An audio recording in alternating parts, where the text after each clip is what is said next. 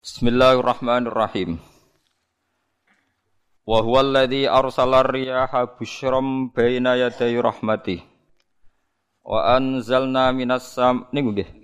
Wa anzalna minas sama ima'an tahura.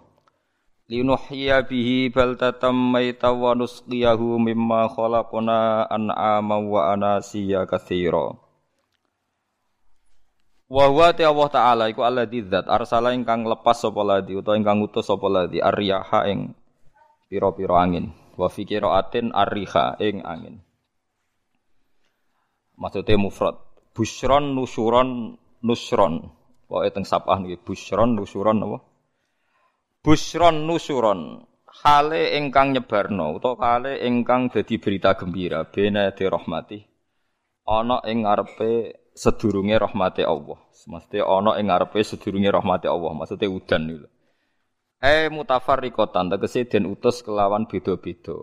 Kudamal matori ana ing sedurunge udan, ngarepe udan, mukadimah udan niku ana angin.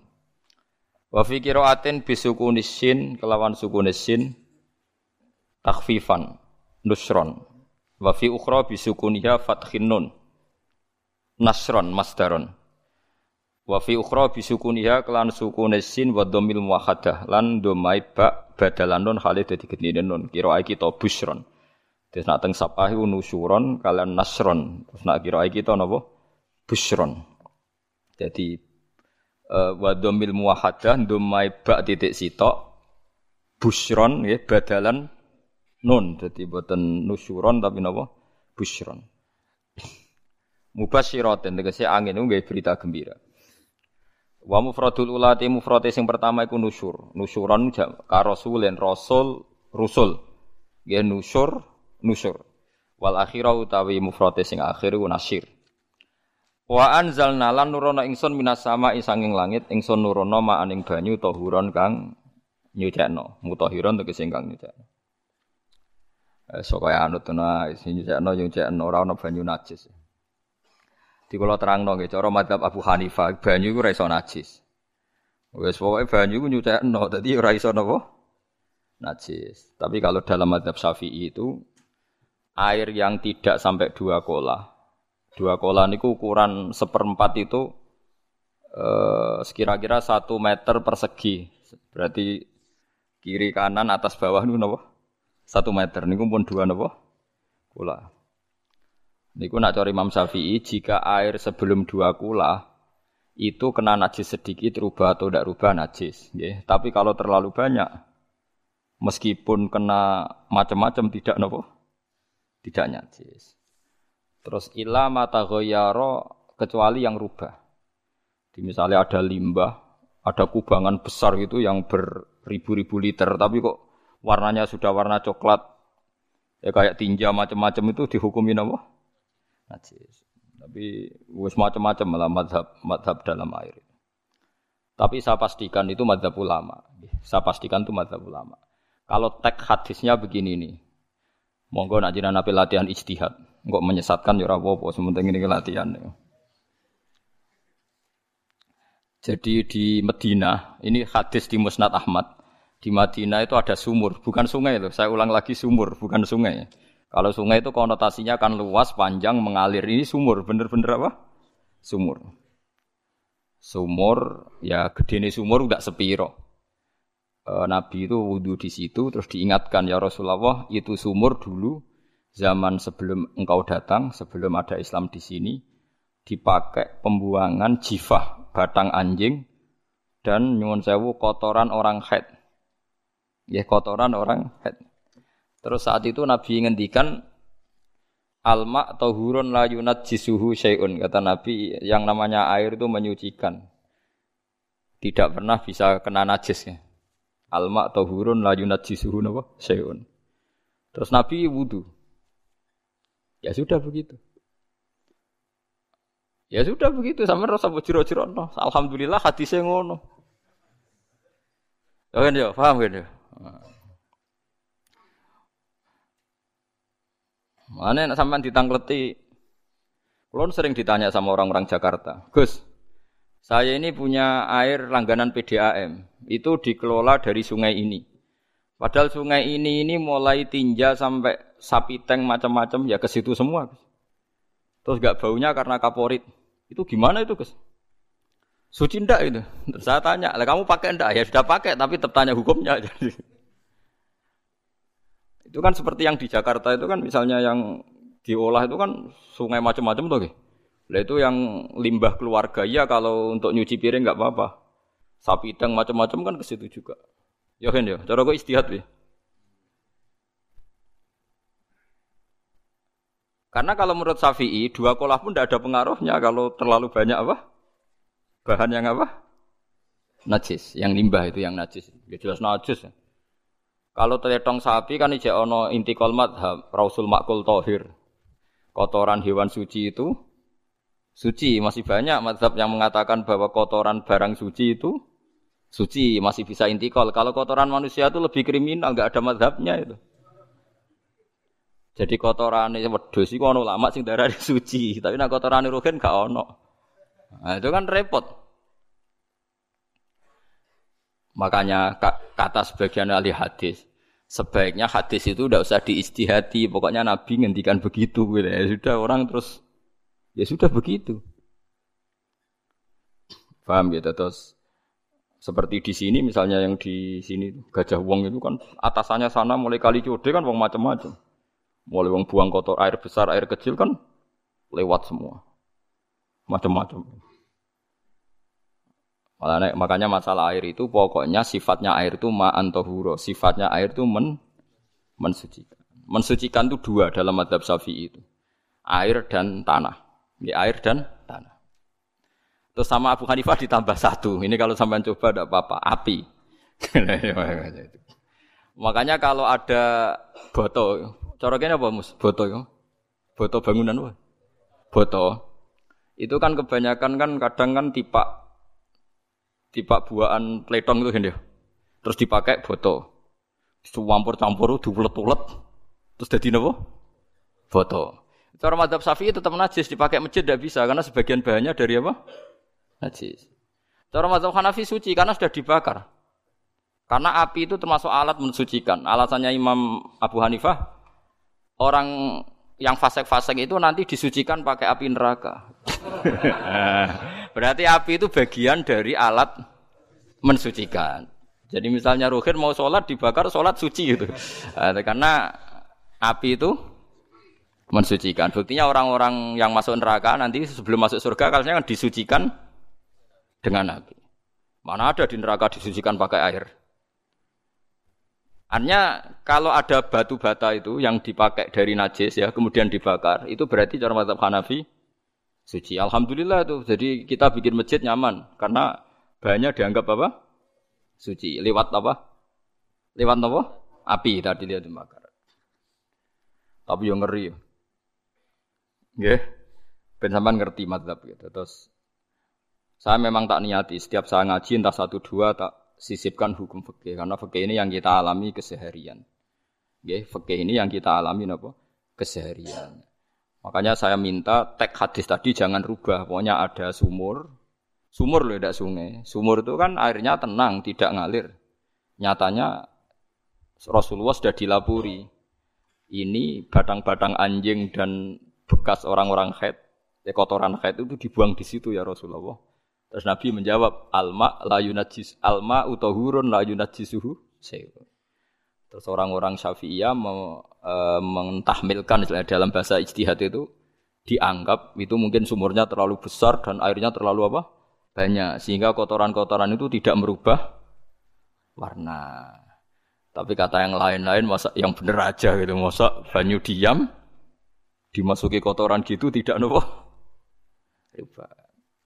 Nah itu ya itulah itulah istihad. Istihad itu ya. Istihad itu guyonannya kan gitu. Pendapat saya benar mungkin salah, pendapat Anda salah mungkin apa? Benar. Karena ya sama-sama mirip-mirip itu untuk menganalisis itu. Yang jelas Allah mensifati air itu ma'an tahura bahwa air itu punya sifat dasar men mensucikan. Wah, nak cara kula niku asal tidak terlalu ketok najis ngoten kaya PDAM ngoten niku Enggak gak ambu taek terus gak ambu apa nih suci wonten mawon. Takoki tapi kan asal usulnya di sana najis gini. Asal usul barang kok repot. Kalau sering dibantai tiang-tiang sing terlalu nopo was-was. Tapi jelas gue saya tahu sendiri. Sapi teng itu ngalir ke sungai gini-gini saya tahu sendiri. Ya, tak jawab, saya juga tahu sendiri dari langit itu langsung air turun. Jadi artinya kalau dia melihat sisi najis ke sapi teng, melihat sisi dari gunung merapi, dari langit kan langsung turun. Jadi kalau eling najis ya, tak eling suci ini kan gitu. Dia ngilingi yang sisi najisnya dari apa? Limbah apa? Keluarga. Wa anzalna minas sama ima antohuro. Air itu mensucikan. Nah, terus kedua masalah fakih yang saya jelaskan di sini, tohur itu sifat mubalaghah dalam madhab selain syafi'i. Saya ulang lagi ya. Pulau warai lugat. Kalau orang biasa terima kasih disebut syakir, disebut apa? Syakir. Kalau terlalu banyak terima kasih disebut apa? Syakur. Kalau kadang memaafkan disebut ghafir, orang yang memaafkan. Kalau sering memaafkan disebut ghafur. Jadi dalam disiplin lugat kalau wazan faul itu berarti menunjukkan terulang-ulang. Paham ya Apa? Terulang-ulang. Sehingga madhab selain Syafi'i mengatakan air satu ciduk kan ya dipakai wudhu, setelah itu mustakmalnya dipakai lagi boleh, mustakmalnya dipakai lagi boleh. Alasannya faul itu mubalaghah gitu loh. Jadi sesuatu yang terulang. Paham ya? Saya ulang lagi ya. Tohur itu kan wazannya faulan. Tohuran berarti wazannya faulan. Faulan itu berarti ikut wazan mubalaghah. Kalau ghafir mengampuni, kalau ghafur sering mengampuni. Syakir terima kasih, kalau syakur Sering terima kasih. Berarti kalau tohir suci, kalau tohur sering mensucikan. Nah, makanya selain Syafi'i mengatakan air asal suci mensucikan dipakai berkali-kali tetap suci mensucikan. Artinya tidak ada mustakmal, ya, tidak ada apa? Tapi kalau dalam mazhab kita kan sekali bekas wudhu mustakmal, bekas junub mustakmal karena sudah pernah dipakai sesuci. Nah itu mazhab kita madhab syafi'i. Sama nanut di soalnya kalau cerita. Kalau cerita sama nak kedesek gitu, nganggu sing gampang mawon. Jadi gampang kan. Ya masuk akal karena memang wazan faulan itu untuk tadi untuk untuk litakrir tadi untuk mengulang kayak ghafir nyepuro ghafurun sering nyepuro. Paham ya? Makanya orang itu kalau dolim itu ya dolim. Kalau dolum banget dolimi. Makanya disebut Quran wa kanal insanu doluman jahula. Zalim itu zalim biasa, zaluman banget dolimi. Jahil itu goblok biasa, jahulan banget goblok. Berarti kalau tohuron banget nyucain berarti diulang-ulang. Makanya mazhab lain mengatakan air itu tidak ada mustamal. Dan saya kadang ya intikal mazhab begitu. Nah intikal gimana? Coba kalau di hotel itu mustamal. Hotel itu kan kotaannya cilik tuh kan. Tahu nggak hotel mari Kota Kotaannya cilik, Terus kalau kita misalnya junub atau apa pakai ciduk itu kan tetap nyiprat Tomus. Nyiprat kena banyu di kotak yang cilik. Jadi kalau gak intikal mazhab pusing kan kita. Iya kan?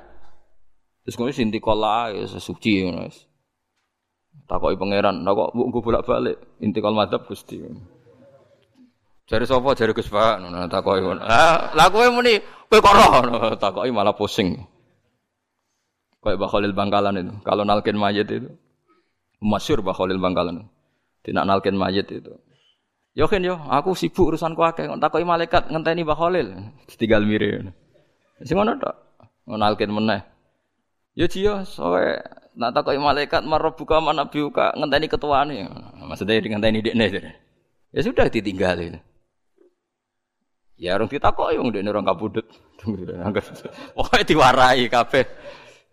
Nah, terakhir-terakhir beliau rodok modern. Ngenteni ketua rombongan Jadi nanti yang jawab itu ketua rombongan.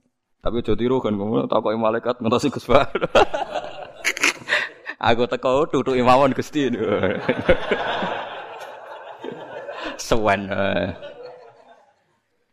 Yakin mugorokin ngomong ngoten kalau ngomong bukan nangkir. Kamu tahu kan tugas standar Anda apa? Ya tugas standarnya bukan nangkir nutuki iku Biasa ya, Biasa nuduki takkan apa?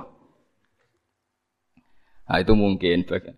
guyone wali ku jek mungkin. Kadang orang tuh engkar ndak bisa. Yaitu tadi piye wae resmi teknya Allah tuh yaumana kullu unasim bi imamihim. Nanti manusia dipanggil itu per ketuanya. Bukan per individu kesuwen. Jadi ada teori itu yang mungkin benar. Teori itu yang mungkin benar karena kita nanti di mahsyar juga dipanggil ketuanya dulu. Jadi ya ma'asyar syafi'iyah. Terus Imam Syafi'i disuruh maju ya ma'asyar malikiyah karena ketua ini nanti yang menciptakan madhab. Karena ada pepatah ad-nasu ala dini mulukihi. Manusia itu mengikuti tradisi ketuanya. Mungkin coba orang Indonesia mbok bodoh, mbok ora, mbok pinter, mbok ora, Abu Bakar ya radhiyallahu anhu. Coba kalau tradisinya Syiah, mungkin Abu Bakar laknatullahu alaih kan gitu. Ya kita tidak tahu, tahu-tahu begitu. Akhirnya kita ketiban apik karena menghormati menghormati apa? Sahabat. Artinya ketua itu penting menciptakan suasana ketua itu penting. Coba kalau tanpa ketua mungkin kita tidak punya tradisi. Makanya dipanggil itu ketuanya. Paham? Makanya sampean milih ketua itu yang benar. Setidaknya orang ikhlas. Misalnya rapati benar, penting ini ikhlas. Ngeri itu kalau pas sampean dipanggil nunjuk ketua itu. Kemudian ketua partai, wah panggil pangeran bingung kan. Ketua sopo nyebut ketua partai. Ketua nih partai dia celok pangeran Melayu. Wah ngadepi pangeran meriang tetep. Paham gitu. Jadi nanti sampean itu ditanya itu lewat nopo, lewat nopo ketua. Terus ketua nanti itu ngecek ada nur yang dipakai alamat dia ngikut tindak. Nah, yang paling ngeri ya termasuk Rasulullah. Rasulullah itu nanti pakai standar itu. Eh, inna umati yut'auna yaumal kiamati hurran muhajjalin min atharil wudu. Itu kan ada tanya jawab sama sahabat. Kata Rasulullah, kamu tidak usah khawatir kalau saya meninggal. Meninggal saya itu baik. Hayati khairun nakum wa mamati khairun nakum. Saya hidup di antara kalian ya baik, setelah saya meninggal juga baik. Ya Nabi ya unik. Amma hayati fali asunna lakum asunan. Kalau saya masih hidup, berarti saya bisa meneladani kamu melakukan beberapa sunnah, beberapa tradisi. Sunnah itu tradisi. Jadi orang kudu artinya sunnah itu wajib atau sunat. Bukti ini Quran ada sunnat Allah latif uh, sunnat Allah fil ladina khalau min qabl. Jadi sunnahnya, tradisinya Allah menghukumi orang-orang dulu. Itu bisa orang benar, bisa orang tidak apa? Kata Nabi kalau saya masih hidup, fali asunna lakum asunan, saya bisa mentradisikan kamu beberapa sunnah, bisa wajib, bisa sunnah. Wa amma wafati ya. Kalau saya sudah meninggal nanti juga bagus. Mereka aku nak SK pundut dari Nabi aku jejer pangeran. Jadi nak roh kowe apik, saya muji Allah, nak roh elek langsung saya minta ampunan kepada Allah. Dan semua umatku nanti diampuni. Tapi terus Nabi mulai menangis, tapi ada beberapa masalah. Ketika orang-orang itu ternyata umatku, mau saya ajak ke surga, kata Tuhan, kata Allah, Innahum qad ahdasu ba'dak. Mereka ini bikin aturan aneh-aneh setelah kamu Muhammad. Terus aku lusuh kon suhkon ya sudah kalau gitu tak tinggal ke surga, tidak ikut masuk surga. Nah kemudian ulama berdebat ahdasu itu apa? Ada yang oh itu bid'ah gitu, macam-macam. Kalau ulama sunni ahdasu itu ya eh, bid'ah bid'ah ibadah mahdoh. Jadi misalnya orang melakukan sholat duhur kok enam rakaat itu kan mau nganggur papat es kesel kok malah muni enam itu. Utawa duhur kok mau tolong rokaat itu kan ya itu bid'ah. Karena ibadah mahdo. Tapi kalau masalah sosial itu fleksibel. Fleksibelnya adalah misalnya dulu Nabi naik unta, orang yang anti bid'ah juga naik Innova. Padahal dulu naik Orang-orang yang poligami itu ya tidak nunggu istri pertama mati. Padahal dulu Nabi poligami setelah Sayyidah Khadijah meninggal. Ya mereka baik-baik saja. Alasannya poligami sunnah Rasul. Padahal nak detailnya sunnah Rasul poligami setelah istri pertama meninggal. Jadi kayak Rohin itu belum boleh. Istrinya kan mas masih hidup dua dia. Tapi sudah.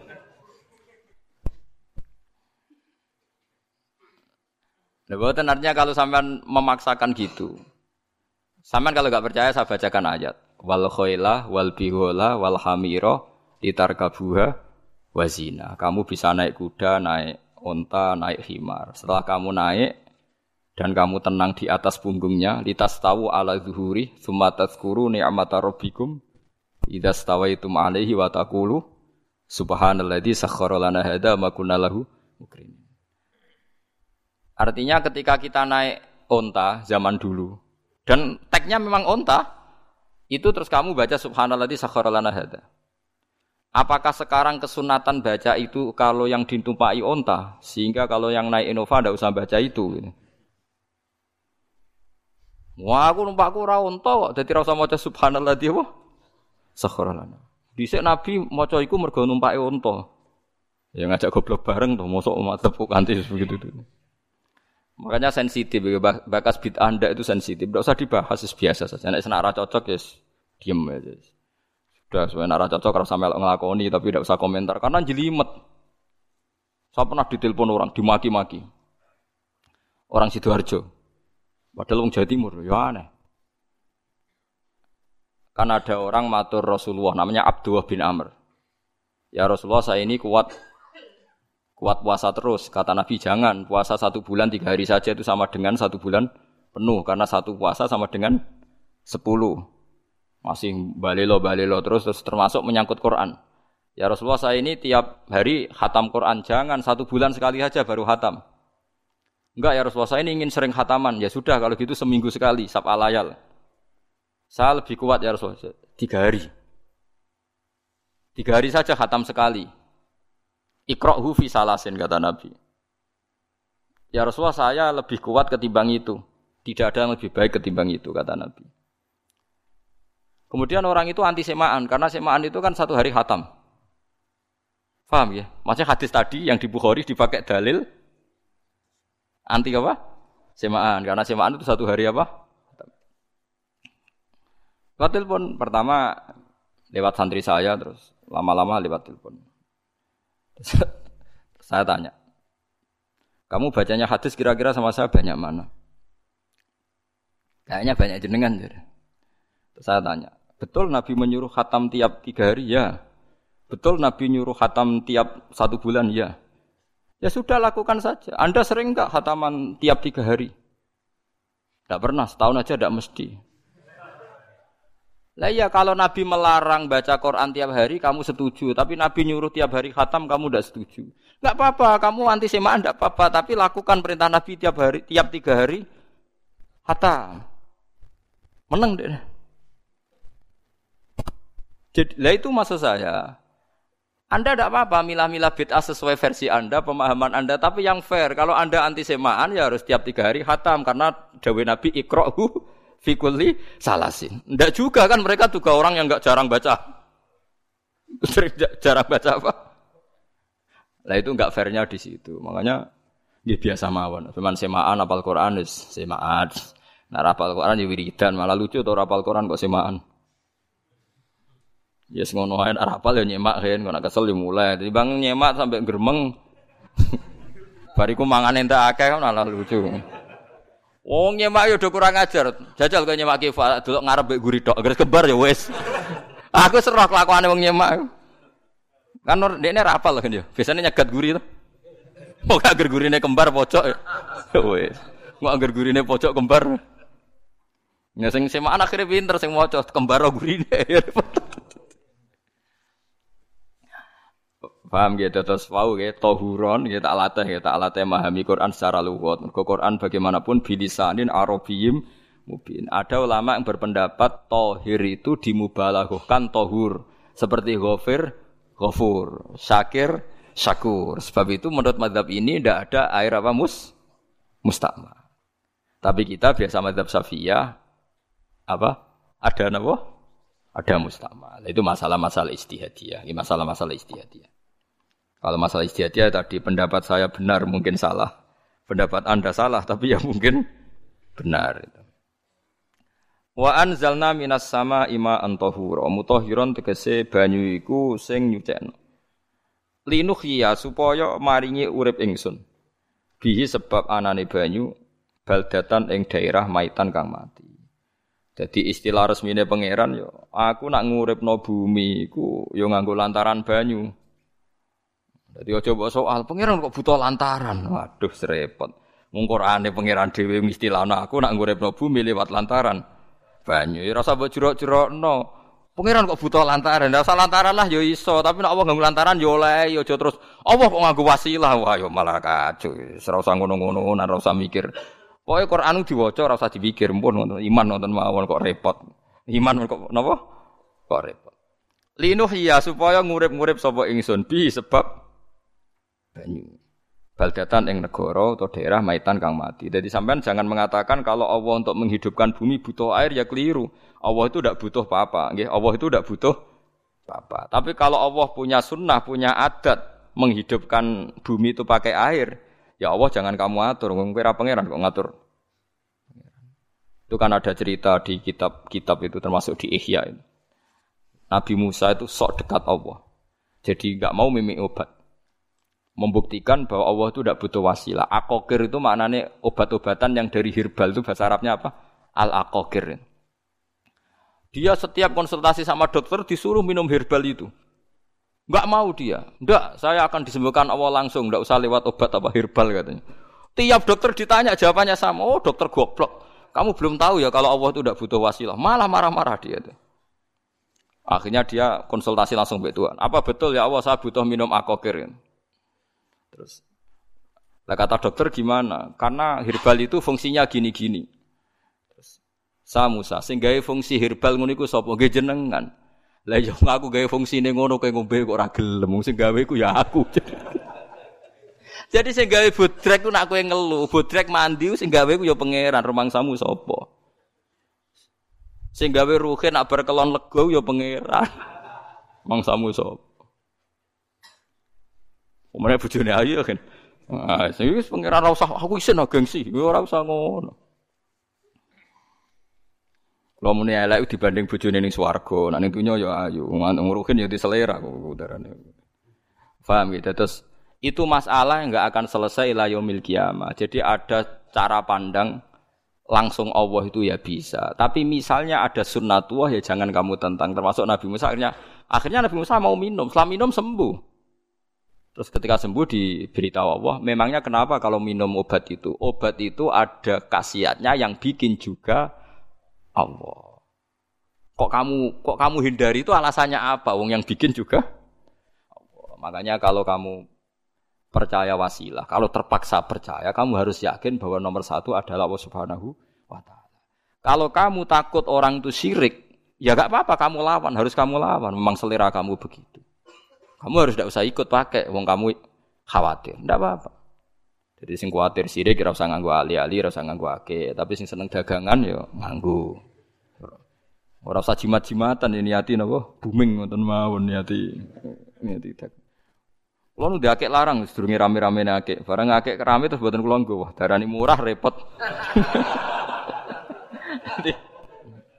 Nggih kula mboten sombong. Dulu akiknya bapak itu zaman bapak Sugeng tuh pernah ditawar ditukar mobil. Zaman itu mobilnya harga 60 juta. Dan itu wasiat bapak untuk saya. Saudara saya sepakat itu untuk saya. Dulu kadang-kadang tak pakai. Setelah akik booming terus dikira ini yang gelondongan berapa kilo. Dua puluh lima ribu, ah, muruah, camah, coro Jawa camah, tidak pernah tak pakai. Saya yakin ikut turun itu, aki-aki yang mahal itu. Karena dikira yang produk Ya, yang masal itu yang itu. Paham gitu, terus sampean biar tahu duduk perkara ini. Jadi tohur, ya tohuron itu sifat mubalaghah. Tapi kalau dalam madhab syafi'i, tohur itu ismul alat. Jadi tidak tidak maknanya mengulang-ulang sehingga Imam Syafi'i meng, apa tidak membolehkan wudhu pakai air apa mustamal. Lah menurut hadis tek hadis kayaknya benar Imam Syafi'i secara lahir. Karena Nabi ngendikan sisa air wudhu itu membawa dosa Anda. Kata Nabi, jika seseorang wudhu maka kotorannya keluar dari ajvan, dari lapuk mata, dari apa, dari apa, sampai keluar dari mimbe ini azofirih, sampai keluar dari bawah-bawah apa? Kuku. Sehingga kalau air ini sudah membawa kotoran dosa Anda, berarti air ini kan sudah menjadi air kotor. Andai kan Anda muka syafah, maka air ini sudah penuh dengan kotoran. Nggak mungkin air yang sudah penuh kotoran dipakai wudhu lagi. Itu cara berpikir Imam Syafi'i. Ya, ya ikut mana ya Ya gampang kan kalau keadaan normal ya ikut Syafi'i, kalau air banyak, kalau tidak normal ya ikut mazhab yang lain. Kan gampang. Gitu aja kok repot tuh. Ya itu pentingnya orang ngaji ya di situ itu harus banyak banyak pilihan. Hmm, HP kartune loro masa madzhab mesti itu. nah, itu kan gitu. Ya pokoknya gitu. Kalau yang percaya wasilah ya pakai istilah istilah pangeran linuhyabi baldatam mayit. Ada kata bihi. Allah menghidupkan bumi itu dengan pelantaraan air. Padahal Allah tidak butuh ah, perantaraan. Tapi yang anti ya nggak apa-apa. Memang yang percaya wasilah itu ya bahaya juga. Ya yes, pokoknya yes. Sudah pakai dua kartu apa susahnya tuh? Ya, ya gak apa-apa. Asal ada ilmunya. Ya, tidak karena emosi. Memang ada apa? Ada ilmunya. Linuh ya bihi baldatam maita. Wanus kiyahu. Lan nyirami ingsun. Yastawi podo bal data maita bitakfifi lan takfif maita maksudnya buatan mayita tapi napa? Maita. Yastawi podo fi ing dalam dawa maita. Napa? Al mudzakkar mudzakkar anas lan anas zakkarahu mudzakkarna sapa Allah taala hu ing dawa maitan bi makani kelawan diitung tempat maksudnya maitan wanus kiyahu meniku masalah nahwu lan nyiramno ingsun hu ing banyu ilma ategese banyu mimma sing perkara kholakna kang wis gawe ingsun Ingsun gawe siraman an aman ing pira-pira raja kaya kewan ibilan tegese unta wa bakaranan sapi wa namanan wedhus wa anasi lan pira-pira manusa kafiron kang akeh. Iki unike Quran, kadang kewan mbek manusa iku dibakas dhisik kewane. Kok nak ndelok dosa mbek ora ya apik kewan. Tapi nak ndelok diakal mbek ora ya apik manusa, tapi nak didelok manusa mbek kewan niku dosa ndi? Dosa manusa, mulane nak salat istisqa iku kesunatane gawa kewan. Lho nggih tenan mboten guyon, sampean delok kabeh kitab fikih nak salat istisqa kesunatane iku wong kon nggawa apa? Kewan. Tapi aja kethek lho ya. Contohnya ngono iku ya kaya wedhus sapi, ngotos koyo kethek ula bulus wah, malaikate bingung wah. Maksudnya kewan ya kewan tapi aja bulus, kethek ula. Mulane teng daerah mriku, teng daerah sarang nate kekeringan. Barang kekeringan tiang sholat istiqo ono sing sapi go wedhus. Delalah bersolat iku udan. Tapi kalau seneng bagi ini, pas udan kiai ini menghentikan itu. Kue aja GR nak udane krana kuwi ya krana sapi mbek wedhus iku. mergo ora duwe dosa, ya mergo ora? Dosa. Lah yaitu agama. Agama itu kita kita tak abudi. Wong kita jari makhluk paling terhormat. Tapi nyatane nak istisqa butuh bantuan kewan. Itu kesunatan istisqa ngoten to. Tem mriki ngoten mboten mboten. Do nuntun wedhus to. Napa? Mboten sing tek sing tek teng kitab-kitab Pak Sami to. Kan go kewan kan? Tapi ya soal kewan mau iso mbayakno. Wah, lah nek pasar ngasem mbok gowo mulai ular kobra macam-macam malah malah repot. Ndak ini menunjukkan gitu, karena manusia itu akeh dosanya. Mulane jemben teng ora-ora mahsar iku manusa ora kepengin apa kewan ora kepengin dadi manusa tapi manusa kepengin dadi kewan. Makanya nanti ketika ngadepi hisab gak kuat wa yaqulul kafiru ya alaytani kuntu napa turoba. Maksudnya kuntu turoba ya Allah saya jadikan kewan sing di akhir segalanya didawi Allah kuni turoban. Kamu sekarang cukup jadi turoba. Intinya manusia suben teng ora-ora masar bayangno koyo kewan sing akhir hayate mau didadekno napa? lemah. Nah, kadang-kadang manusia itu dalam siklus ini apik kewan malah didhisikno mimma khalaqna napa? an aman riyen ya. Kalau dilihat dari dosa ndaknya, kalau di, dilihat dari manusia ter, makhluk terhormat macam-macam ya apik manusia. Wa anasiya lan pira-pira manusa kathiron kang akeh. Jamu insan ente lafat anasi jamu lafat insan. Wa suhu te asline lafat insan iku anasinu. Fa udilat moko digenti apa anu nunun digenti ya aning ya. Wa timat lan dene idhofno fiha ing dalem ya apa ingkang dalem ya apa al ya ya. Maksudnya ya sing sangka nun diidghamno be ya asli. Au jamu insin di jamu lafat insin. Walako tasarrafna lan teman-teman mulak malik ingsun to mutar-muter ingsun. Hu ing ma ayil ma atik banyu bainahum antarane wong akeh liat zakaru supaya gelem eling sapa ngake. Asluhu ya tadzakaru. Niki kok usum nahwu. Utimat idghamno apa ata utak fi ing dalem dal wa fi qiraatin liat kuru. Bi sukuni dzal wa dhammil kaf. Eh lihat kuru nikmat Allah ing nikmat Allah taala bihi klan ma fa aba mongko moh sapa aktsaru nasi sapa akeh manusa. Moh ila kecuali mungkiri ning nikmat juhudan tegese mungkiri ning nikmat. Ngingkari li nikmati maring nikmat haitsu qalu sekirane ngucap sapa ngakeh mutirna bina ikada mutirna den kei udan kita bina ikada sebab posisi perbintangan iki supaya kula warai iki sampean nak ketemu Allah ben selamat. Niku kula jamin lah nak ilmu kula ini orisinil. Allah niku ada adat ada sunnah lah dalam bahasa Quran. Perkara iku ana alamate. Dadi misale ana mendung alamate napa? Udan. Terus Allah niku nggih damel sistem. Salih waladhi ja'ala syamsa dia awal qamara nura wa qaddarahu manazila li ta'lamu adada sinina napa? Wal hisab. Sehingga di sistem itu kita tahu musim hujan itu misalnya musim ini. Kalau musim kemarau ini posisi bintang pas di sini. Sehingga wong Jawa sing goblok lah roh musim hujan ini musim kemarau. Kalau ahli hisab, ahli astronomi ngerti kalau matahari di sini berarti musim ini, kalau matahari di sini musim ini. Begitu juga musim panas, musim gugur macam-macam. Itu kita tahu itu sunnahnya Allah dan itu yang bikin Allah kita tahu. Tapi sekali ada hujan kok kamu bilang begini, wajar udan deres wong rendeng. Itu Allah tersinggung karena kamu nganggep udan itu jasane rendeng ora jasane pangeran. Gak repot ngadepi pangeran. Ya memang begitu. Karena inginnya Allah manusia itu punya dua kecerdasan. Kecerdasan yang diciptakan nubuah yaitu akidah dan kecerdasan yang diciptakan sain yaitu pengetahuan. Itu itu inginnya Allah. Jika menyangkut hisab dan ruh yang diperdebatkan Muhammad Muhammadiyah itu sebetulnya juga masalah sepele. Masalah sepele itu begini. Siapa sih yang mungkiri hisab? Wong hisab itu ya nasib pangeran lita alamu ada sinina wal hisab. Siapa sih yang mungkiri ru'yah? Wong ru'yah itu hadisnya sahih. Yes, sumu li ru'yati wa aftiru li ru'yati. Fa in humma alikum fa akmilu idata saban salasina yauman. Jika kamu ragu ya ikmal. Ikmal itu menjadi 30 hari. Sekarang sampai saya tanya, ikmal 30 hari itu dari hisab apa ru'yah? Hisab kan namanya ikmal itu pakai Oh saya wis 29, nak kepen ikmal. Telung puluh. Lu ikmal itu ru'yah atau hisab? Hisab. Jadi apa susahnya sih pakai dua ilmu itu? Tapi sekarang jadi politik identitas. Pokoknya kalau ru'yah itu NU, kalau hisab itu Muhammadiyah. Terus dijak goblok bareng kan kita. Gitu. Mulane susah jadi ulama. Mergo dijak goblok nih lho. Ya sama seperti kunut ndak kunut. Saya Muhammadiyah itu lahir tahun 1912, NU 1926.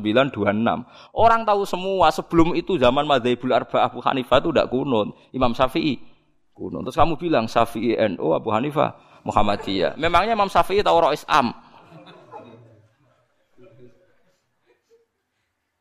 Jadi kita yang ulama itu biasa saja karena melihat Imam Syafi'i itu kunut, Abu Hanifah ada kunut. Tahu-tahu sekarang jadi politik identitas kalau kunut itu NU ada kunut Muhammadiyah. Memangnya Imam Syafi'i tahu dari roh Islam neng PBNU sing liwat ahwa kan buat nate. Jadi kalau ulama itu lebih sederhana cara berpikir. Ya sudah, hisab itu ya ilmunya Allah, ruya ya ilmunya Allah. Jadi misalnya dagang dihitung, kalau dihitung itu rasional berarti sain. Kalau tidak dihitung kok badi jenenge kejutan ya enggak kita pernah ngalami semua. Kita pernah ngalami dua-duanya kan? Dihitung ya pernah laba, kejutan ya pernah. Musim sulit dagang rugi ya biasa, kecengklok rugi kebodon biasa sama pernah anggap aja kalau rutin namanya sain sesuai hitungan pengetahuan. Kalau model ngono kejutannya selesai kan? Kok dibenturkan? Kejutan sama rutin itu absolut mana? Akurat mana? Ya ngajak goblok bareng. Paham ki biasa mawon wong sing seneng ilmu tuh ben biasa roh iku roh dojo ben ya ben biasa. Nah sekarang itu usum anti ilmu itu usum yang usum sekarang itu politik nopo iden identitas. Soalnya batik wong Yogyo, wah batik nasional berarti orang batik wong Indonesia, anak batik rawang Indonesia. Jadi batik us nopo pakaian nopo nasional. Ya wong golek hadis nganti ngelu kesunatan ibadah nggak lebih putih. Ora ana kesunatan ibadah nganggo klambi napa? Bathik. Tapi nak kowe wong alim ben diarani klambi putih gak wajib, kudu kadang-kadang nganggo bathik, nggo nunjukno nak nganggo putih iku. Saya tuh seingat saya belum pernah ngaji gak pakai baju putih. Karena pikiran lu sederhana sering ditanya, Gus kowe wong alim ora tau. Nak joban koyo wong Arab. Nak batik kesane kok ora sunah Rasul, sunah Rasul seneng putih, setengah-tengah nganggo hem putih wis sunah Rasul tapi tetap Indonesia. Wis tak pikir nonton. Lah ruhin ra mikir kanggo batik. Tapi itu tadi saya masih husnudon. Jika jadi tren nganggo kelambi hem putih dianggap wajib, harus ada yang pakai batik untuk menunjukkan kalau ndak wajib. Lah mungkin dia termasuk begitu melok. Makome dekne iku wis nglurusno.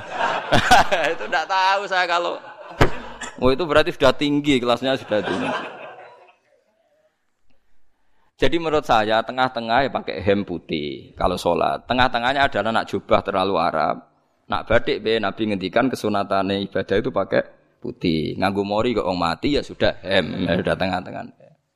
Menurut saya, sama ndak harus ikut saya. Tapi jika itu dianggap wajib, kadang-kadang jangan pakai putih. Seperti Jabir bin Abdullah itu terang-terangan, sama tak ceritani. Dulu ketika Jabir, Jabir bin Abdullah sahabat yang terkenal itu Jabir itu termasuk minas bikin ala walin itu. Jabir itu sholat di masjid itu bajunya dicopot. Terus sarongan itu dicancang di gulu. Kayak wong kuno-kuno. Sarongan sitok dicancang di gulu. Bawa baju diletakkan di soko-soko masjid. Setelah itu orang tabiin tabiin melihat dia secara sinis. Tabiin itu generasi setelah sahabat. Marah-marah ketika dimaki, masa engkau sahabatnya Nabi sholat bisa bin wahid pakai baju satu dicancang bisa. Terus Jabir mulai cerita. Kamu jangan bilang pakai serban itu sunat. Kamu jangan bilang pakai jubah sunat. Bagaimanapun menjadi sunat karena kamu punya. Sehingga kamu bilang sunat karena kamu punya. Dulu kita-kita zaman Rasulullah masih hidup. Kita semua itu tidak punya baju. Punyanya satu. Sehingga Nabi tidak berani mensunatkan pakai baju dua kesunatan serban. Karena kita hanya punya pakai baju satu. Kita harus mikir bagaimanapun di antara kesunatan itu karena kita mampu. Setelah tidak mampu tidak ada sunat. Terus Jabir mulai marah-marah termasuk yang diceritakan. Kalau kamu bungkus orang mati gimana? Ya tak bungkus utuh sampai sikil beda sih raketok. Ya kan ya, nah ini yang mati dibungkus sempurna tuh. Nanti kok pepes itu ya dibungkus, terus bariku lagi dibuka raine ya. Ya mus, sing mudin-mudin rai ya. Terus Jabir cerita, Cara kowe wajib to ora jare Jabir? Nggih wajib. Ya wajib mergo iso. Terus dia cerita, dulu Sayyid Hamzah dulu bapak saya Abdullah Jabir bin Abdullah. Itu saking nggak adanya baju. Itu nak ditutup sirai mbek sarong, mboten kafan. Iku ketok sikile. Nak ditutup sikile ketok sirai. Akhirnya domatur kajing Nabi kon nutupi sirah waj al ala rijlihi sayan min idkhirin. Akhirnya sing sikile ditutup suket. Saking gak anane baju. Kowe saiki Islam wis jaya kecangkeman sithik-sithik muni sunat wis dimaki-maki mbek Jabir. Wis meneng jar. Terus terakhir ngendikan ngene. Aku nglakoni iki liyaronil ahmak misluk. Mancen tak jarak aku salat ngene iki bento-bento kowe ben roh. Nak dhisik sejarah Islam ngene iki. Liyaroni al ahmak misluk. Ahmak itu bento sing level tinggi, medium men. Itu ulama betul ya begitu. Saiki wong Islam jog tuku kurma gampang. Sidik-sidik buku nganggo kurma, sunah Rasul mergo nganggo kurma. Ya perkara ini kelar tuku. Zaman kene Gunung Kidul melarat nganggo apa? Aneh-aneh. Makanya di fikih jelas, nah iso kurma, nah iso asal manis, nah iso asal gak nyolong titik wis. Kok cek repot ya hukum. Bagaimanapun kue kecangkeman muni sunan mergo mampu. Zaman kira mampu orang muni padahal hukum itu dhisik-dhisik. Hukum itu baru apa sudah kemarin-kemarin? Wis meneng ae. Kula ge sering, ngger kula kan kiai, ngger but poso sering sowan kata. Kadang sing sowan luwih mlete timbang kula. Gus kurma Gus, nggo apa? Nggih sunah Gus. Ah sunah mbahmu pangan kowe. oh kiai mbok warai ra sopan. Aku nak buka aku tegan. Wah aneh-aneh ya. Namun ini sunah sunah dia ora usah kecangkeman. Lagi bukan ukur mas pirang tahun, lebih kali tahun Gus. Umur piro? Patang pulau Gus. Ah, tolong pulau walu tahun gak anggus sunnah lagi rong tahun gegere gak karuan. Biasa saja. Dulu Nabi itu ya biasa. Nabi kalau zaman ngendikan yang ngeper sampai empat kali. Kalau gak mampu ini, ini. Kalau gak mampu ini, ini. Nabi kalau ngendikan ya gitu sampai diulang-ulang. Karena Nabi tahu tidak semua umatnya gampang mendapatkan itu. Misalnya Kak Faroh puasa dua bulan nuntut, kalau tidak bisa ngasih makan orang miskin sekian, kalau tidak bisa gini sampai sampai habis. Kulu ma'rufin sodakoh, kalau tidak bisa ya Rasulullah firsana satin, sampai ludus gak bisa sikit tamrotin. Kalau gak bisa fabi kalimatin toibah, cangkem sing ape. Nak raiso semet yang merengut. Terakhir walau bitol kotin apa? Wajin.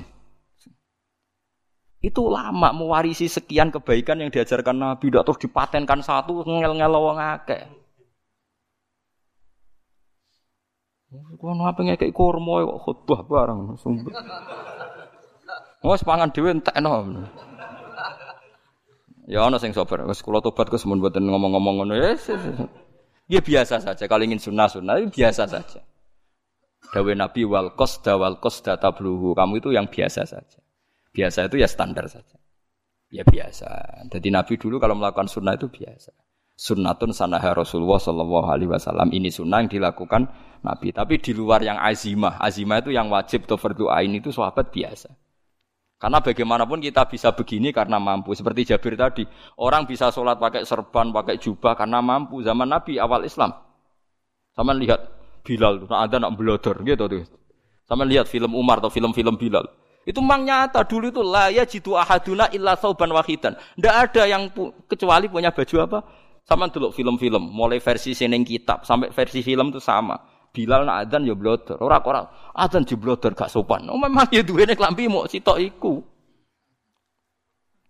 Adlok ceritane Sa'labah, bar salat salam langsung melayu. Berkali-kali yang bersalam melayu. Jebule apa kita kayak ya salah bang bersolat orang witir melayu kenapa? Saya takoi ya Rasulullah, takoi Nabi. Salah bah kata sahabat-sahabat, kue nak sholat bar mulai langsung melayu. Ya Rasulullah, kami kulo namun setunggal istri saya di rumah aja utuh. Bisa saking saking tidak adanya baju. Oh, saya kira sunat no kon. Ya begitu. Makanya ketika Sayyidina Umar ida ausa Allah fa ausiu. Nanti kalau sudah jembar ya jembar. Nak lagi ruwet dia ruwet. Ya sudah biasa saja. Paham ya? Jadi kalau suwun misalnya malah yudroku kulu, la yudroku nopo kulu. Kalau tidak bisa semua jangan sama sekali. Jadi misalnya kita tidak bisa jubahan, tidak bisa serbanan, mereka wong Arab. Supaya saya ndak keriting jubahan kok tonggo ya guyu. Paham nggih? Wah aneh no. Kemudian anak ora kaji kok jubahan malah digugat wong akeh. Ya sudah pakai hem putih saja. Sementing dua semangat sunnah putihnya misalnya. Ya tengah-tengah gitu. Tapi kalau kira-kira dianggap wajib ya kan ganti badai kayak Ruhin itu. Itu makomnya sudah itu tadi. Sudah tinggi sekali. Ya Nabi itu kan, misalnya Nabi nyifati rambut yang baik itu yang lurus ngombak gitu. Sifatnya dajjal itu keriting. Tapi oh yang keriting ya nggak apa-apa. Bukan berarti wah keriting mirip dajjal janda gitu. Ya itu kan Allah menunjukkan kekuasaan. Nanti kalau Allah bikin lurus semua dikira nggak mampu bikin yang keriting ya sudah dibikinlah yang keriting. Ya sudah gitu biasa saja buatan buatan berlebihan. Paham gitu. Jadi Nabi itu kalau ngendikan seingat saya, saya ini hafal banyak hadis. Kalau ngendikan tuh sampai berkali-kali. Itu tadi mulai kalau sodakoh pakai ini ini, kalau ndak mau minum sampai mulai firsana satin sambil berdus ijek larang. Walau bisik kita meroh separone kurma. Masih kadang ndak mampu fabi kalimatin toyibah. Nggak mampu lagi. Ya, soalnya tak sodaku walau bitol koti wajin. Sodakolah meskipun dengan ceria. Itu sirinya kenapa saya ngaji guyon. Karena paling ndak ceria, ceria itu happy. Coba kalau saya ngaji merengut, menang terus ketok nyesal. Terus sing ngaji kan mikir, Gus Bak kurang apa? Kita ngaji kok ono sing kurang. Oh, terus yang kedunya nafsir wah paling kurang sangune. Wah jadi repot. Mulane kula ngeten wis tak pikir, mang sampura tak pikir. Guyon kula mek sampean nangis mbon ndi ganjaran akeh ndi. Mergo guyon kula bi ilmen nangis sampean mikir utang. Jadi terakhir sodako tolkoti wajin, wajah yang ceria, yang happy. Kue kiai happy kan yo seneng, paling gak gak mikir nasib kan. Kiai ku happy sebenes. Jajal misalnya kayak kiai kok rogen sumpeng, mau coba kukar kukur, bariku angop, bariku kukur kukur meneh. Kan wong mikir, waya tanggale bayar apa piye kredite. Waduh. Apa waya ditarik sepeda motor kan orang terus menafsirkan macam-macam. Sing elek sing wong alim mulai nafsiri paling tertipe ra iso. Wah, paling elek. Ya nak wong alim kan ana ukur-ukur mesti nak sing suudon kan paling macane bingung terkipe ngono. Ya macam-macam lah sesuai asumsi napa.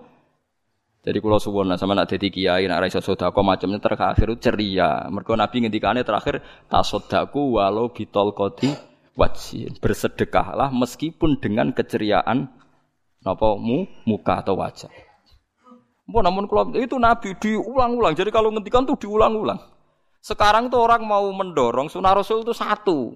Ya berat bagi yang nggak bisa melakukan itu apa? Yang nggak bisa melakukan itu apa? Berat. Jadi dibacalah hadis itu dibaca utuh. Ya bukan kita apa ya mau sekolah kepingine KB umat Nabi itu happy. Mereka selama itu tidak maksiat berarti anut ajaran kaji Nabi Muhammad Shallallahu Alaihi Wasallam. Ma Rasulullah bena amro ini ilah taro aisarohuma malam yakun isman. Rasulullah itu tidak pernah disuruh milih dua hal yang berbeda kecuali milih yang paling gampang. Asal itu tidak barang dosa. Itu hadis mutafak alaih. Ma Rasulullah bena amro ini ilah taro napa aisarohuma malam yakun napa isman. Jadi Nabi itu tidak disuruh milih dua hal, mesti milih yang paling gampang asal tidak nopo dosa. Makanya Nabi kalau ditanya ya Rasulullah sampai nanti tawaf pakai unta apa ndak? Kesel ndi? Nggak kesel melaku, ya naik unta saja. Makanya Nabi kalau tawaf dulu pakai apa? Unta. Terus saya mulai Arab Saudi PG MRT berkoordinasi Nabi unta terus saya nganggo nopo? Kereta lingkar. Sekarang baru diperdebatkan. Cek kurang ajar itu sebenarnya no tamu spesial, misalnya pejabat negara sebenarnya atau wafu numpak kereta muter diarani rasah di Nabi numpak unta, diarani sah kurang ajar ning dhuwur. Terus sampai angop-angop terus tawaf. Sampeyan muni sah ta ora ya itu. Muni rasah Nabi dhisik tawaf. Ngagem unta muni sah kok kurang ajar e. Wah, ya misalnya pak kereta asenan ya, anggap sidik-sidik sebeng pitu. kurang ajar juga. Saat ini lebih diperdebatkan, tapi ya mbak, Sing bakas ngono ben ngerti hukum sampean. Ben ro anak kiai ku bingung, ulama yo mikir hukum. Iku ketok ceria kula, sampean ora bingung ora ceria. Fa aba mongko mo sapa aksarun nasi sapa akeh manusa. Mo ila kufuron kecuali ngafirin nikmate Allah. Juhudan. Tegese ingkar li nikmat nikmati maring nikmat. Haitsu qalu sekirane ngucap sapa kufar mutir nabi na kada mutir nadien ringi udan kita binawi kata sebab posisi bintang sing ini. Walau syi'na la ba'atsna fi kulli qaryatin nadhira. Walau syi'na umpama ngersakno ingsun Allah la ba'atsna yektine nugasno ingsun utawa ngutus ingsun fi kulli qaryatin. Ing dalam saben-saben daerah desa nadhiron ing wong sing ngelingno. Umpama wong ngersakno kabeh desa yo nabi. Tapi kok kakek nabi malah repot kan. Yukhawifu kang ngekeki peringatan sapa nabi ahlaha ing penduduk Korea Walakin ba'asnaka tetapi ini ngutus ingsun ka ing Muhammad ila ahli qura maring kabeh penduduk kuliah sekabehane ahli qura nadhiran khalid dadi nadhir khalid dadi nabi liya'zuma supaya gedhe apa ajruka ganjaran sira. Tapi kabeh nabi niku nggih pokoke Allah mampu mawon tiap desa dikai nabi, tapi Allah ndak melakukan itu cukup nabi sitok. Terus kabeh iki anut Nabi Muhammad sallallahu alaihi wasallam. Mulane ana guyonan wong Arab wong Jawa apik endi? Apik wong Jawa aja. Ke wong Arab iku cara obat iku dosis tinggi, melane dikirimi Nabi. Wong Jawa cukup mudin, cukup kiai wis Islam. Jadi rapati salah lah. Penyakitnya ringan, jadi diobati kiai wis dadi iman. Nah wong Arab kudu napa? Nabi. Berarti penyakit berat be ringan nabi endi? Nabi ringan, mulane jare ana, jare kiai Jawa, kita ya apik wong Jawa kus wong Arab. Mergo ora butuh? Nabi. Berarti dosisnya kan kecil ya, rendah. Eh sauni-unimu. Eh wong bingung, ngono kok omongane wong napa? Bingung. Lha opo nganalisis ngono barang. ya wong nganggur iku repot terus. Fala tuti mongko aja nurut sira al kafirin ing pira-pira wong kafir fi hawahum ing dalam hawa nafsune kafirin. Jadi kaya aja anut wong kafir ning menyangkut hawa nafsu. Tapi nak menyangkut kebaikan wong kafir sing kita kadang kalah baik dalam hal sosial.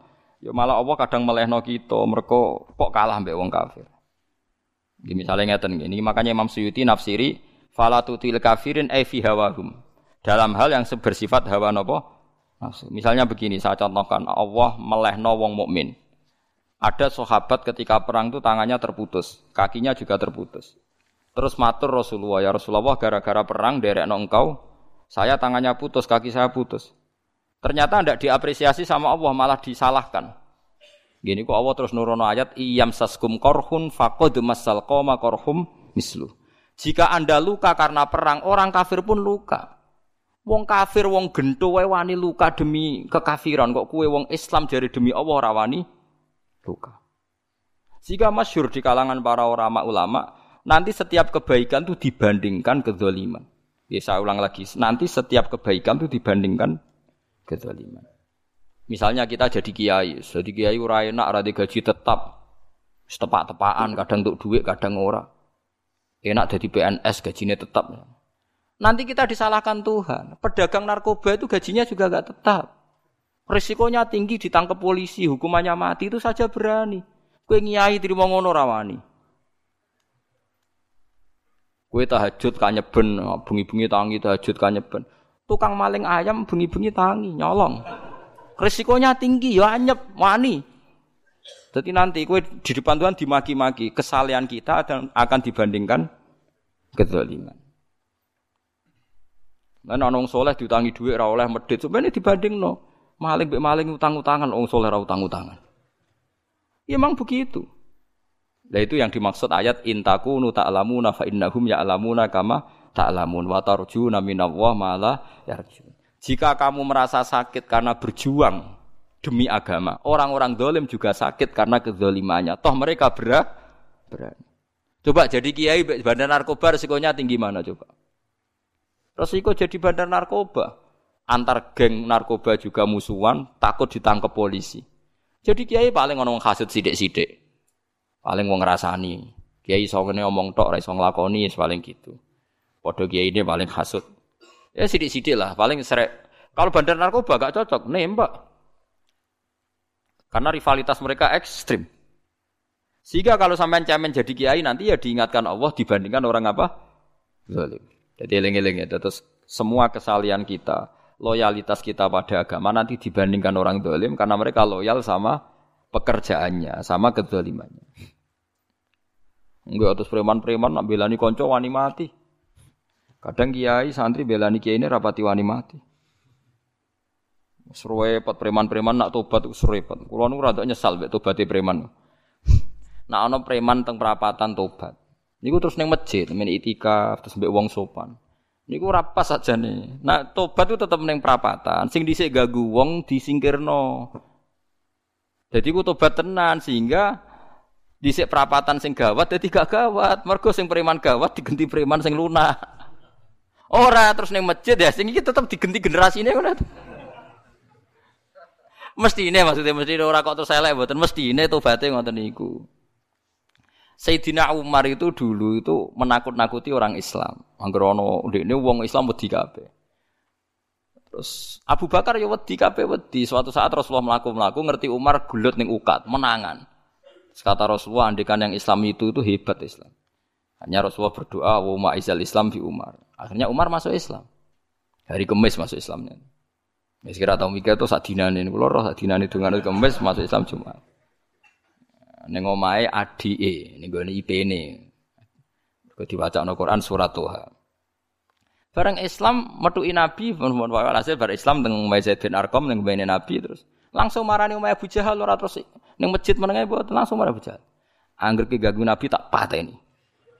Bariku mau Abu Jahal. Aku saiki wis Islam iki gak Nabi tak ini. Gentenan wong kafir sing delik. Paham nggih? Jadi enak lho maksudnya. Lah misalnya terus Umar jadi sopan santun terus ketemu wong dilo, ketemu Abu Lahab monggo dari akhir. Wah. Kacau. Artinya gak ada perubahan kan kalau gitu. Lan Ruhin mantan preman boten kok tobatin yang kene ora roh. Boten harus kiai dene. Mesti ini ngoten. Makanya Wahsi, Wahsi itu yang bunuh Sayyid siapa? Hamzah. Karena dia disuruh Hindun itu, istrinya Abi Sufyan itu. Itu setelah membunuh Sayyid Hamzah dan dia Islam. Dan Nabi tidak siap melihat wajah Wahsi. Sumpahnya Wahsi apa? Saya bersumpah akan membunuh orang paling dibenci Rasulullah. Sebagaimana saya pernah membunuh orang paling dicintai Rasulullah. Terus tobatnya dia mata ini Musailama al-Kadzab. Wong sing ngaku Nabi ngarang Quran. Itu tuh sing mata ini sinten? Wahsi. Jadi wasi sebagaimana aku pernah membunuh orang paling dicintai Rasulullah, tobat saya membunuh orang paling dibenci Rasulullah. Ya misalnya terus wasi tobat, sampai nyapu masjid, terus, terus gak duwe selera tarung, zaman kafir tarungnya tenanan, bareng Islam menyapu masjid. Bariku ngiseni jedinge terus bareng jak perang wedi wae ya repot. Ya niku ide kula tapi ora kudu lakon. Ini mau cerita-cerita ilmu, sampeyan ora kudu nglakoni. Itu gale wong preman brah-breh. Blojo narkoba entek akeh dilakoni, nggo judi diakoni. Sewengi orang preman itu kalau judi 2 juta 3 juta. Bareng tobat ngeboni masjid 10.000. Padahal dunia ini akeh. Mestinya tobat yo. Saya zaman judi semalam 3 juta. Sekarang kalau pengajian atau ke masjid semalam 3 juta 100 lah minimal diluai. Ora, malah pas tobat ngelebokno amplop masjid yo. 10.000, kadang 2.000. Serepot-repot. Tapi ya apik tobat, mesti cerita. Tidak begitu, mestinya berbanding. Paham ya, sampean takok tobat itu cara ulama kayak ngoten niku berbanding. Malah riyen Khalid bin Walid itu jadi panglima perang Islam itu. Saya masih ingat makalahnya Khalid bin Walid. Fakaan fakama anni aktsartul qatla fi kufri aktsartul qatla fi Islam. Dulu ketika saya kafir adalah sangat banyak membunuh orang Islam. Perang Uhud kalah itu karena panglima orang kafir adalah Khalid. Dia cakap sekali dalam mengatur strategi perang. So, Khalid itu suteke utek elek kan, pikirannya ala sahabat yang menuso ruhin ruhin es, kayak iwang wedok ambek apa jenenge ghanimah mesti medun. Eh, sahabat ora kabeh kaya aku kan ono kaya kue barang macam-macam. Gunung Gunung Uhud itu dhuwure mau sak musolane iki jamira Gunung Uhud kaya Merapi niku mboten. Nah kaya Merapi amanah ning dhuwur tetep ra kenek, meleyang to. Jadi Gunung Uhud itu dhuwure mau sak musolane mbok dhuwur pundi. Wong kula nate mriku Bolak balik kan gak bisa nerong tahu. Kalau kayak orang India, jadi malah itikaf teng gunung loh. Uhud. Mbok piye dalile ya ora Lah itu Khalid bin Khalid pinter. Dia ketika kalah itu muter, muter ke belakang terus ghanimah itu dilepas. Ya, dulu itu dalam perang dulu tuh ghanimah itu kan perempuan sama apa? Ya sama barang-barang itu. Ketika dilepas itu dianggap sudah mengaku kalah. Ada sahabat yang nggak ruhin ruhin itu udah akabir sahabat, ada sahabat papan atas, sahabat yang ya, ya, yang seperti itulah. Sahabat kebanyakan turun, turun ternyata Khalid itu muter, muter terus naik dari belakang. Pas sahabat turun, dia naik dari apa? Yo penak karek mana iko dua, itu akhirnya kalah. Itu ya gara-gara strategi ini Khalid bin Walid. Nah terus dia bersumpah, saya bersumpah semua kecerdasan saya, semua kecanggihan saya akan saya gunakan untuk membela Islam. Niku kelimake itu di perang Tabuk, di perang Yarmuk, di perang Tabuk. Itu di panglimani siapa saja yang ditunjuk Nabi itu kalah. Termasuk Ja'far bin Abi Thalib itu padahal panglima yang ditunjuk Nabi. Usamah ya kalah. Abdullah ya kalah. Semua yang ditunjuk Nabi itu mati semua. Akhirnya panglima diambil siapa? Khalid. Taruh saja gini strateginya. Anggap saja Arab itu padang pasir. Tidak sampean biar tahu bahwa orang soleh yang cerdas itu banyak. Jangan kira soleh itu tidak butuh kecerdasan, butuh. Arab itu kan padang pasir. Mau jelas gini, gambarannya apa?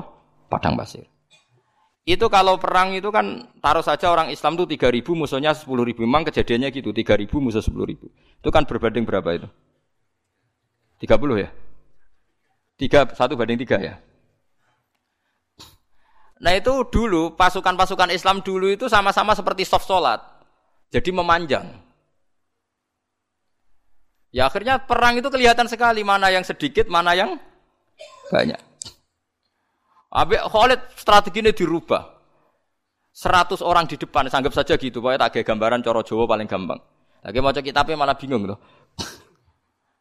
100 pasukan kuda yang di depan itu disuruh negarkan kuda, disebut fal mughirati subha itu. Yang itu wal adiyati napa? Dobha fal mughirati subha itu. Ya, pokoknya anggap seperti itu. Fal muriyati apa? Qadha itu.